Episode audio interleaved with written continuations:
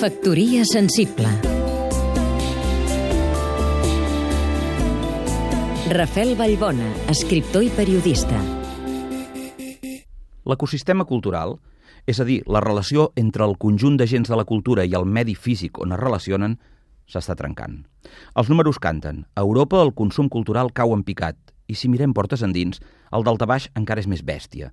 El 42% d'espanyols, i en això els catalans no són diferents, no van mai al cinema perquè diuen que és car. Ningú no diu res de l'abusiu preu d'un gintònic de garrafa, per cert. Agradi o no als exègetes del neoliberalisme, els processos simultanis que es produeixen en tots els àmbits i per tot el planeta, i que conformen la globalització, són en bona part responsables de la fractura entre la cultura i els destinataris.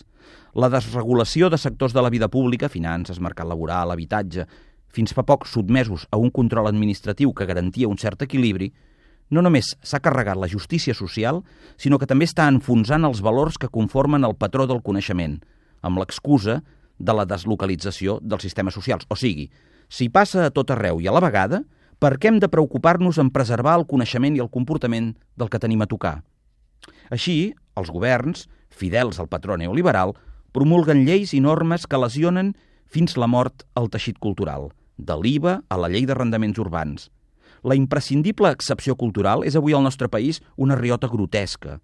L'ecosistema cultural es trenca sense remei, el ciutadà s'hi allunya i el camí de la globalització té un cadàver més. Factoria sensible. Seguim-nos també a catradio.cat